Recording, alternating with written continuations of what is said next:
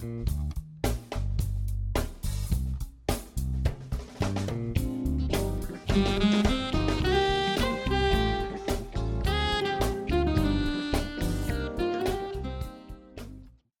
svima, moje ime je Tijana Velemirov, a vi slušate podcast Svet freelance. Danas nastavljamo sa lekcijom broj 9 koja glasi Ne moram da znam sve. I ovo mi je, mislim, jedna od omiljenih lekcija. Ja mislim da kažem za svaku da mi je jedna od omiljenih ili da je najbitnija, ali dobro. I hoću da danas pričamo o tome šta ako ne znam sve, šta će da se desi. Uh, ovde se dosta često vezuje ona priča sa sindromom varalice ili imposter sindrom na engleskom. I mislim da je mnogo bitno da pričamo o ovome jer gotovo svaka osoba sa kojom sam ili pričala o freelansu ovako ili neko ko želi da krene da se bavi freelansom ili nema veze samo sa freelansom, generalno sa dostignućima i sa time šta mislimo da možemo da postignemo i šta postižemo i privatno i poslovno. Dosta često ljudi nekad ili češće od nekad imaju ovaj a, sindrom varalice. Koren ovog sindroma jeste perfekcionizam i da mislimo da moramo sve da znamo, da moramo sve savršeno, da nemamo priliku da ne znamo. Tako da, ono što sam rekla, dešava se svima u freelansu i generalno i najčešće se dešava ljudima koji zapravo svašta nešto znaju. Dakle, ljudi misle početnici su pa će se njima ovo češće dešavati i kada nauče i kada dostignu neko iskustvo, više im se tako nešto neće dešavati. E pa sad, ne znam da li je dobra vest ili će vas razočarati, ali zapravo sve češće je da što više znamo, javljaju nam se nove sumnje u nas. I to je skroz ok. Treba to samo tako da prihvatimo i da, da kažem, proradimo svoje misli iza toga. E sad, ljudi koji uspeju s ovim da se izbore i da stave to sa strane, razlika između njih i tebe ako to ne uspevaš, ili mene ili koga god, jeste što ti ljudi su naučili kako da odmah prepoznaju ovaj sindrom kod sebe, što su naučili kako da ga prevaziđu i kako da ga zaustave tako da ih ne spreči, da ih ne dovede do odustajanja, nego da samo bude jedna prepreka koju su osvestili, proradili u svojim mislima i završili sa tim. Um, vi mislite da će se vama ovo dešavati jer ste recimo mladi, neiskusni, imate ne znam kakav problem sa samopouzdanjem, izgledate ovako ili, ili onako, jer ste žena, jer ste druge rase, šta god, nebitno. Šta god što vi mislite da će vama da pravi problem ili što mislite da u društvu u kojem živite vama pravi problem, ali zapravo ne, to se svima dešava i svako uvek u sebi nađe nešto zašto će sebe da ponižava i da govori sebi da nije dovoljno dobar. Prosto naš mozak funkcioniše po principu um, unižavanja naših dostignuća i dosta često je sklon uh, samo podcenjivanju i vređanju, a na nama je da to shvatimo i pretvorimo u dobre obrazce koji nama služe. E sad, tu se često pomenje i pitanje, ljudi mi kažu da, ali ja ne znam baš mnogo, kako ću ja onda da radim nešto, da li je okej okay da nešto kažem da znam iako ne znam baš sve. I sad uvek mora da se napravi jasna granica.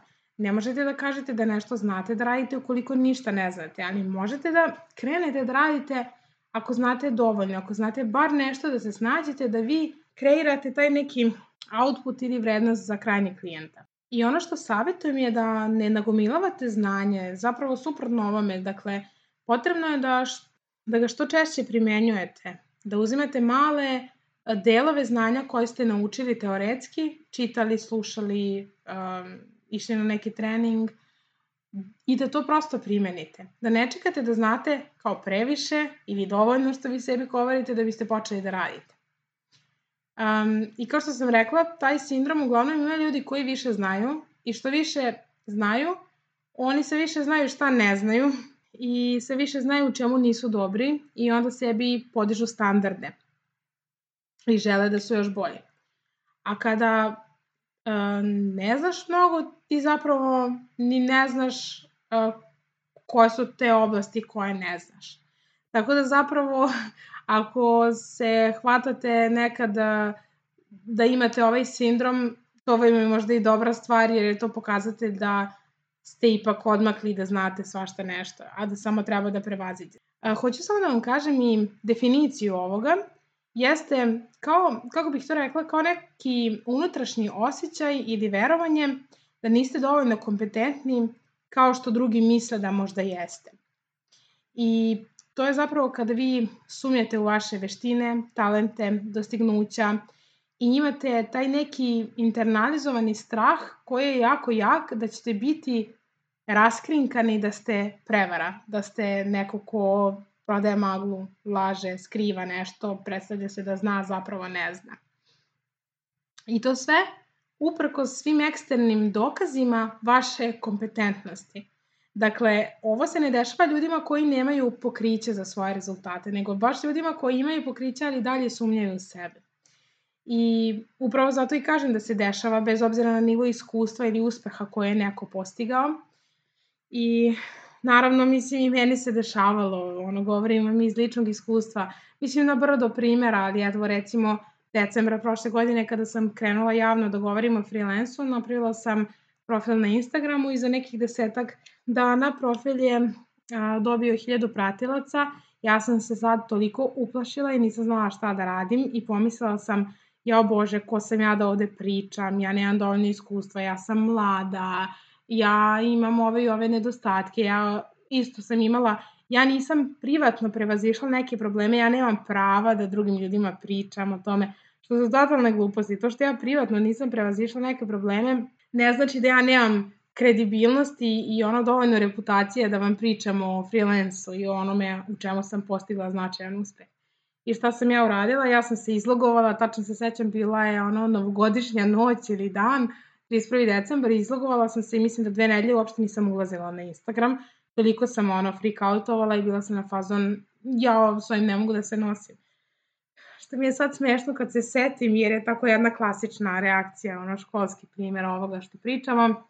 Ali naravno, sabrala sam se, prevazišla i shvatila sam da je to moj mozak koji je pokušao da me zavara i a, zezne i prosto naravno prešla sam preko toga Tako da, drago mi je i prosto nastavila sam da radim najbolje što znam, da vam prenosim najbolje što znam iskustva iz freelansa. E sad, jako je bitno da otkrijemo da osjećamo ovo, da imamo taj sindrom i onda mi kada to otkrijemo, on zapravo gubi snagu, jer onda mi imamo priliku da sebi objasnimo šta se dešava, da ne mislimo da nas je obuzela nešto, da je to zaista tačno i tako dalje. I dokle god um, sanjamo na veliko i želimo velike stvari da postignemo, mi ćemo imati te sumnje. I to što sumnjamo u sebe da smo fake ili nedovoljno dobri je zapravo dobro jer to nam je pokazatelj da ciljamo na veliko i da imamo velike zamisli, a kada dozvolimo sebi da ciljamo na veliko, mi ćemo i naći način i put da tamo dođemo. Samo treba taj put da sebi napravimo što ugodnije. I postoji razlika između toga kada mi imamo misao o tome da smo fake i da će drugi otkriti da smo fake i da li ćemo mi dopustiti da mi verujemo toj misli i koliko dugo ćemo dopustiti da je verujemo. Tako da to možemo da menjamo. Setite se onog modela što smo pričali od Brooke Castillo. Ako pomislimo, to utiče na naše osjećanje, na naše akcije i na rezultate. Dakle, mi možemo da um, dođemo do situacije gde ćemo mi odbiti da poverujemo sobstvene misli, jer mi apsolutno nismo naše misli. Mislim, toliko stotine hiljada misli nam prolazi kroz glavu, sad zamislite kad bismo verovali svakoj i dosta često naše misli nisu u pravu. Tako da, nekad što smo uspešni imamo sve više sumnje iz tih nekih strahova. Plašimo se šta će drugi reći, sumnjamo u sebe, ne znamo kako to da prevaziđemo. Dosta često imamo problem sa osjećajem vrednosti generalno, I onda kad osvestimo da to mislimo, i sad ovde primetite da to mislimo, dakle ne da znamo da smo manje vredni, nego da mislimo da smo manje vredni, osjećamo se loše jer mislimo to. I onda uzemo još u dublji krug. Mislimo da smo manje vredni i onda se još osjećamo loše jer to mislimo. Tako da to prvi korak je da prestanemo da osuđujemo sebe zato što mislimo nekad da nismo dovoljno vredni. I ne možemo odmah preskočiti to i naći se u situaciji gde mi sebe apsolutno potpuno vrednujemo i nikad ne mislimo da nismo vredni. Treba da shvatimo da naš mozak nas nekad zeza, što smo rekli, i hoće da nas prevari. I da je dosta često naš mozak um, nam govori pogrešne stvari o nama i da ga prosto pustimo da nekad govori te pogrešne stvari. Da mi damo svom mozgu i damo sebi prostora da mislimo da nismo vredni, ali isto tako damo sebi prostora da mislimo da smo vredni. Ne pokušavamo nasilno da to promenimo, nego samo pustimo. Dozvolimo sebi da se osjećamo manje vrednim. Jer kada mi dozvolimo osjeć, uh, da osjećamo neku emociju, onda ćemo i prevazići. Jer bežanjem od emocije mi samo povećavamo tu emociju. Neće nas emocija povrediti, da ono, se podsjetimo, ono što nas povredi jeste misao koja prouzrokuje tu emociju. I kada dozvolimo tu lošu emociju da prođe kroz nas, onda nestaje panika i dolazi taj mir. Tako da, šta je najgore što može da se desi, jeste da pustite, da se osetite to što vas je, da, da osetite to što vas je strah da osetite. I vidjet ćete kako pustite, tako će to proći. Još jedna stvar kada pričamo o ovoj temi jeste da, recimo, nebitno sad da li ja vama pričam o freelansu ili vi hoćete da rešavate klijentima na inostranom tržištu neke probleme, tako što ćete da im nudite svoje usluge putem freelansa, mi često mislimo da svi znaju ono što mi znamo i da zapravo mi nemamo ništa posebno da ponudimo i da smo tako beskorisni i da smo ništa posebno. I to je zavluda, jer da je tako onda niko ništa ne bi radio. Mislim, uzmite pa testirajte. Mnogi ne znaju to što mi znamo i mnogi žele da čuju to što imamo da kažemo. A čak i da znaju i da su čuli, jako je dobro da se stvari ponavljaju i da čuju više puta jer se tako uči. Tek kad čujemo nekoliko puta ono što zaista treba da čujemo, mi tada možemo to i da primenimo. Znači, više puta kada čujemo, onda ga zaista čujemo, a tek onda kroz ne znam još koliko puta kada slušamo tu istu stvar dođemo do momenta gde to i primenjujemo. Dakle, nije bitno ono što drugi misle o nama ili kažu o nama, ili će reći da što, to što mi govorimo nije korisno, da su to već čuli, da mi samo kopiramo druge ljude, Bitno je šta mi mislimo o tome i povredit će nas to što drugi govore samo ako mi verujemo u to. I ovo isto znate i sami, mislim, to prosto intuitivno znate i to osjećate i živite. Dakle, nije bitno šta drugi misle o nama ili pričaju o nama, nije bitno da li će oni da misle da to što mi govorimo, radimo, pokazujemo drugima, nije bitno, ili kopiramo nekog, ili se njima ne sviđa, ili oni misle da to nije vredno. Bitno je šta mi mislimo o tome i nas će to povrediti samo ako mi poverujemo u to što drugi ljudi govore. Ako mi ne verujemo u to, to nas neće dotaći. Ovo sigurno intu, intuitivno primenjujete i znate. Prosto setite se svih stvari u životu kada vam neko nešto kaže, a vi prosto ne verujete u to i vas to ne dotakne. Kada se prosto osjećamo kao prevara i kao da nismo dovoljno dobri, to je naš odgovor na to šta može kao loše da nam krene u životu i to je naš ego i mozak nas tako brani, jer se plašimo od nepoznatog i hoće da nas zaštiti, da ne budemo uplašeni ili razočarani onda kada uh, nešto ne uspe. I onda je bolje da odustanemo, ali smo mi tad u safe zoni, znači odustajemo, ali makar ništa ne može da nas razočara i da nas prosto povredi još više. I ja ono, baš toplo preporučujem da se sklonimo od ovoga jer nam to ne donosi rast. I hoću samo da vas podsjetim da mi kada se plašimo šta će ljudi govoriti o nama, da li će pričati nešto ružno, mi zapravo ne sprečavamo da oni to rade i oni će to svakako raditi. I što ste uspešniji, sve više će ljudi pričati ružno o vama i to je prosto, ima ona stvar što kažu da bi vas neko voleo i cenio, morate da imate i nekog ko vas ne ceni i da im ne podnosi. Nažalost, ljudi su zavidni i ljubomorni, redko se nađe osoba koja se divi nečijem uspehu, i onda proba da se ugleda na to i preuzme akciju i radi na sebi. Ljudi se uglavnom plaše tuđeg uspeha jer im to, da tako kažem, gura prst u oko na njihov neuspeh i lakše im je da te mrze jer si ti uspeo, eto, oni su jadni, nije im se dalo, ne ide im, njima neće doći tako dobre situacije i to je to. I onda prosto ljudi tako odustaju. Ima jedan zanimljiv savet, jeste ono što kažu fake it till you make it. I sad ja ne mislim da vi treba da fejkujete vaše znanje i ono što znate da uradite, nego možda da fejkujete samopouzdanje. Uh, prosto uh, na taj način mi, se, mi sebe treniramo da zaista i dođemo do tog samopouzdanja. U nekim od prethodnih epizoda pričala sam vam da sam ja sad u ovim gostovanjima nedavno prosto redom govorila kako nemam tremu i kako je to sve super i kako ja to baš volim. A zapravo, onda dođem posle gostovanja kući i ceo naredni dan sam ono zakucana i sva sam ono kao da nemam energije. I onda sam shvatila da zapravo meni to mnogo energije troši i da imam tremu i da ja samo sebe zavaravam da je nemam i da sam se toliko dobro natrenirala da kao mislim da je nemam.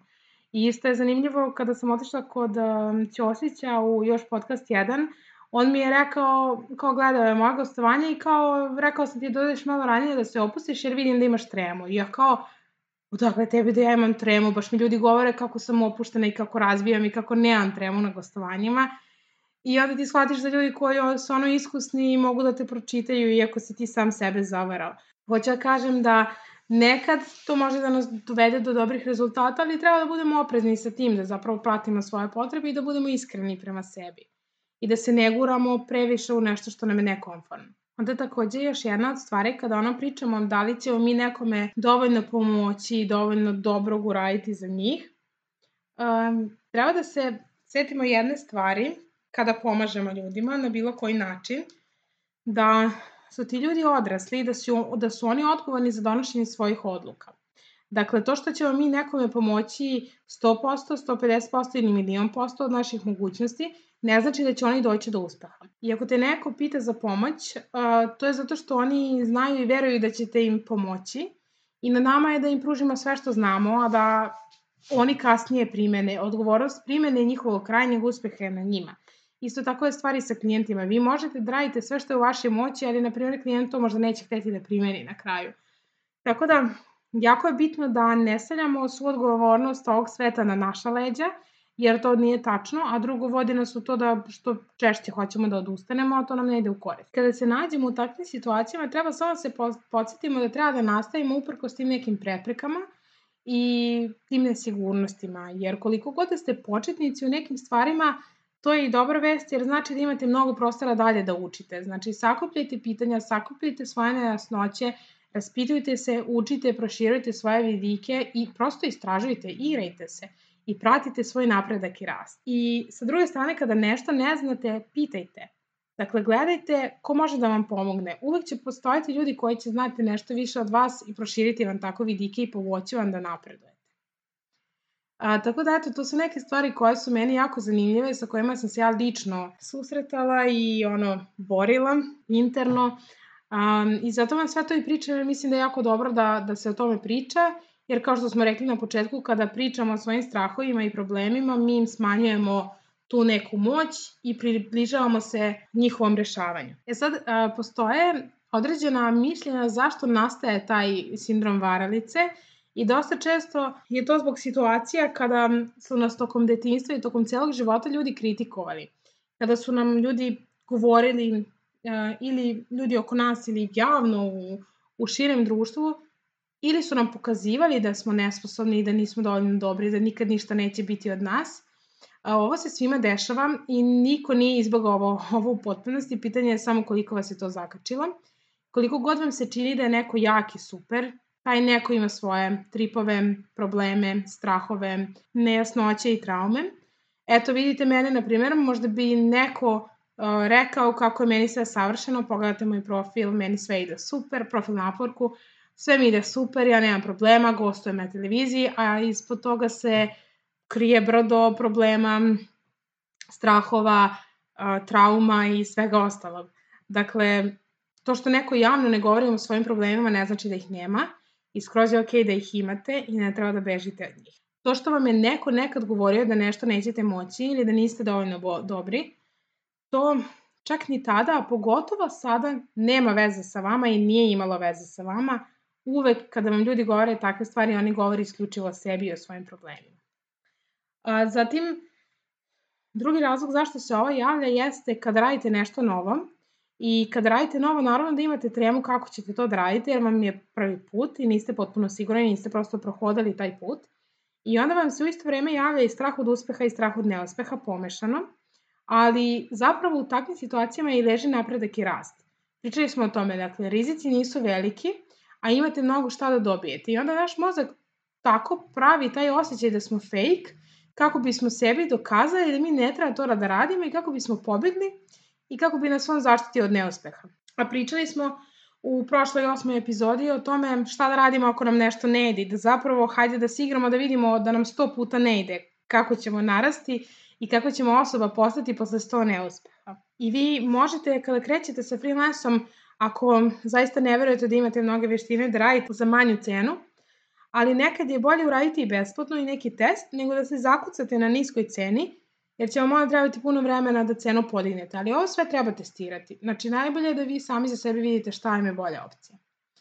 I još jedan razlog zašto se javlja sindrom varalice jeste kada postavljate svoja očekivanja jako visoko, nerealno visoko i onda im je, vam je jako teško da ih dostignete. Nikad ne postignete to 100% ostvarenje i zato ima jako dobra stvar gde kažu da a, postavljate uvek ciljeve malo više od onoga što možete da dostignete i da vam onda ne bude cilj da 100% nešto ostvarite, nego da vam je 80% idealna brojka. Jer teško je dostigati 100% kakav god da je cilj. A ako vam je 80% nešto čime se zadovoljite, vi onda izbegavate tu zamku perfekcionizma. Onda kada postavimo jako velike očekivanja, nikad ni ne dođemo do situacije da nagradimo sebe i to mora da se prosto promeni jer perfekcionizam je problem i klijenti zapravo ne traže ništa savršeno. Traže samo dovoljno dobro što će im dovoljno dobro rešiti moment, problem u tom momentu.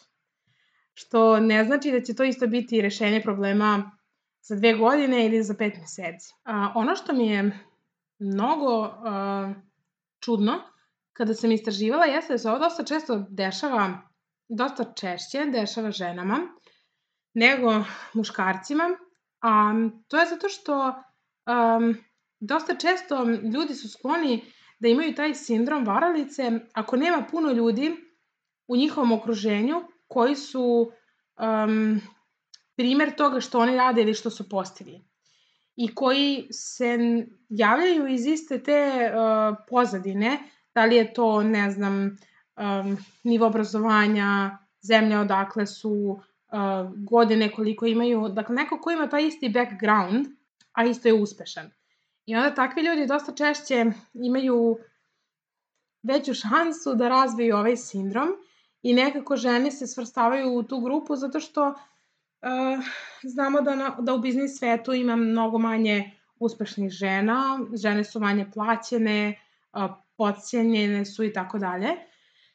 Ali ne samo žene. Ima posebno, na primjer, grupacija žene um, drugih rasa, um, pogotovo crnkinje, na primjer, pripadnici LGBTQ zajednice, um, ljudi drugih rasa, znači ne samo žene, nego i muškarci, osobe sa invaliditetom i tako dalje. Dakle, gde god ima što manje primera uspešnih ljudi koji su postigli nešto, koji imaju isti taj background ili to što okruženje ili društvo misli da su kao nepovoljne okolnosti tim ljudima, onda su ti ljudi što češće skloni da razviju ovaj sindrom. I kada god se u društvu razvije ta sistemska opresija koja utiče na te ljude, onda postoji veća šansa da će oni razviti ovaj sindrom.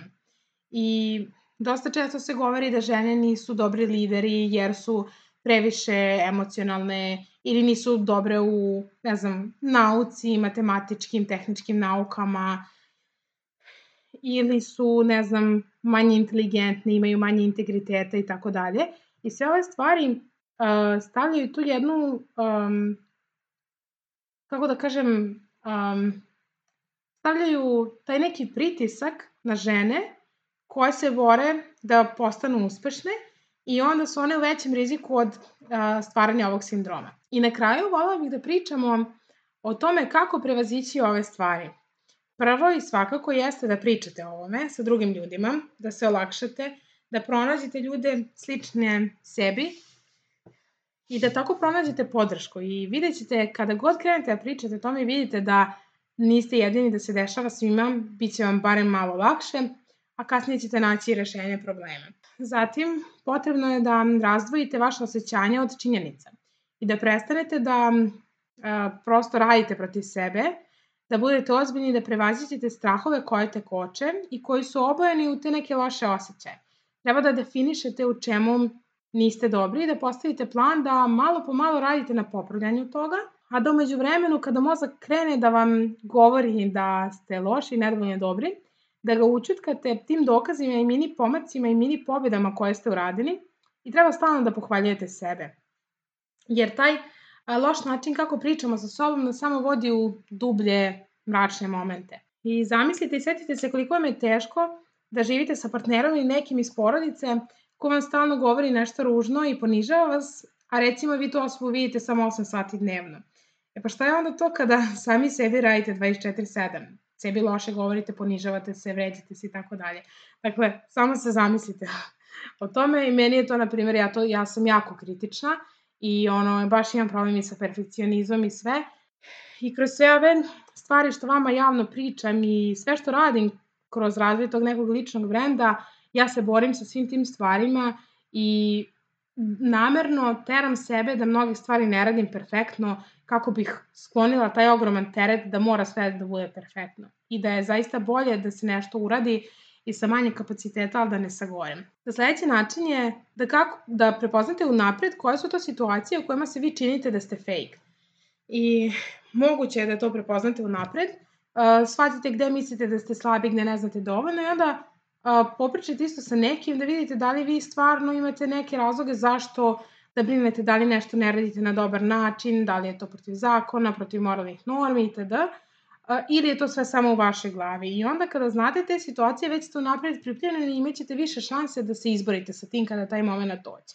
Zatim treba da naglašavate pozitivne stvari i misli stalno, da ih negujete, da uradite uh, malo po malo prave stvari za vas koje će potkrepiti to da dajete sebi najveću podršku i da sebi budete najveći oslonac i kada se javi mozak da krene da vas zeza, da mu kažete nisi u pravu, pogledaj, uradila sam to i to i nisam fake i prosto pusti me da nastavim da mislim lepo o sebi i da radim pozitivne stvari. Zatim, potrebno je da razvijete zdrav odnos prema neuspehu i greškama koje pravite. Jako je bitno da dozvoljavate sebi greške jer se tako stiže do uspeha. Pričali smo i to u prošloj osmoj epizodi. Zatim, treba da zapišete sebi kako želite sebi da se obraćate. Znaš šta sebi najviše zameraš i to zapiši u notes ili telefon i kad kreneš sebe da hejtuješ, onda otvori te beleške i gledaju to. I, na, i teraj sebe da to ispravljaš. Mislim, ja izbjegavam celog života da pišem i meni je terapeutkinja stalno govorila da mi je to korisno i ja sam to izbjegavala. I onda sam samo počela da sedem, da sedem i da pišem sebi i da to u nekim tim crnim momentima i kad trebam da mislim loše gledam i mnogo mi pomaže. Pomaže mi da se manje loše osjećam u tim kriznim momentima i da ih brže prevaziđem. Oni kraće traju i nisu tolike dubioze, ne idu toliko do dna, jer sam nau, naučila da malo bolje upravljam svojim mozgom i emocijama. Onda sledeći način je da vizualizujete uspeh, ali ne ono kao fake, misli lepo, bit će ti lepo i doći će ti se odmah, nego tako što ćeš zaista da nađeš svoj odgovor kako ćeš se osjećati kada ostvariš to što želiš i da već vežbaš unapred da se tako osjećaš, da počneš da živiš svoj život unapred tako. Onda treba da napraviš svoja pravila za sve u životu kako ti želiš da bude, a ne ono kako ti je neko rekao. Ako su ta pravila koje trenutno imaš negativna, preobrazi ih u pozitivna. Menjaj svoje pravila, imaš pravo za to i dozvolu. Treba da naučiš šta znači dovoljno dobro nasuprot perfekcionizmu i da se držiš toga u svemu u životu i privatno i poslovno.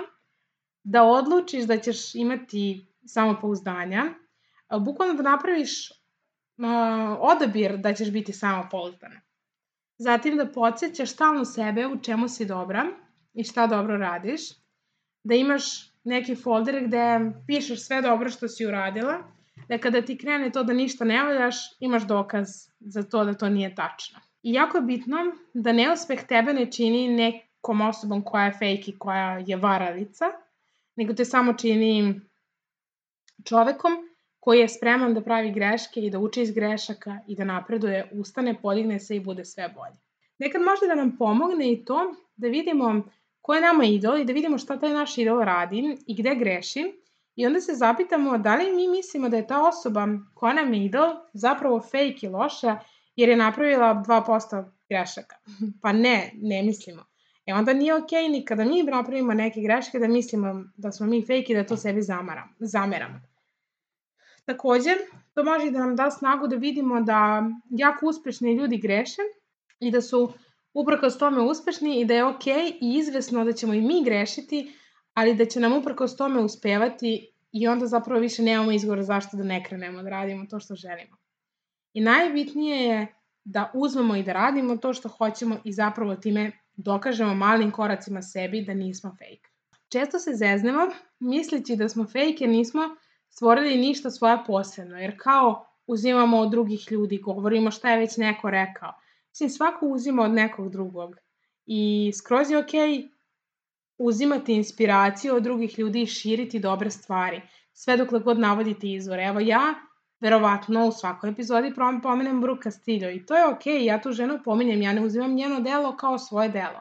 Ja uzmem to za sebe, naučim, pokušam vama da prenesem jer mislim da je prosto jako korisno da znate i probam da primenim to na deo freelansa kojim se ja bavim. I to je to. I to je skroz legit. Kao što i Brooke Castillo u njenom podcastu svaka deseta epizoda je da ona priča o ljudima koji su nju inspirisali. Tako da to je sjajno. Mislim, gde bi nam bio kraj kad bismo svi bili naučnici, kad bismo svi uh, prosto izmišljali nešto novo. I drugo, ja bih vama uskratila to znanje o njenom delu i radu, kad vam ne bih govorila, jer nije svako od vas imao priliku da čuje za Brooke Castillo, a i prosto tim osobama koje pominjem je super što ima što više ljudi koje je pominju kao ja, ili recimo Jovana Miljanović koja stalno priča isto o Brooke Castillo, sve dok god mi navodimo njihov rad, njima to i ide u prilog jer onda više ljudi čuje za njih i prosto može da dođe do njih. Tako da sve ovo što smo pričali treba da se sumera u jednu rečenicu, samo nežno prema sebi i da malo sebe ostavimo na miru. Tako da eto, uh, ostavila bih vas da razmišljate na ovu temu i da postavite sebi pitanje zašto ja to sebe ne ostavljam na miru i šta ja to sebi stalno zameram i zašto ja sebi govorim da sam fake. Kada malo razmislite o tome, napišite onda posle i sve razloge zašto to ne treba da radite i gledajte stalno u to, gledajte u taj papir i podsjećajte se kad god vam dođu crni dani i crne misli i prestanite to sebi da radite polako, ali sigurno, nećete uvek uspeti i sve odjednom, ali 1% pomaka je 1% i dovoljno je dobro i na godišnjem nivou će biti super. Čujemo se sutra. Ćao vam!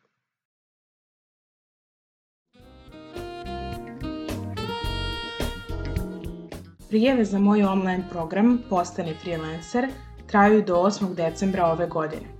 Ako želiš da zarađuješ više, napreduješ brže, imaš fleksibilno radno vreme i stekneš finansijsku slobodu i nezavisnost, Postani freelancer online program je pravo mesto za tebe. Prijavi se do 8. decembra na www.tijanavelemirov.com stranica online program.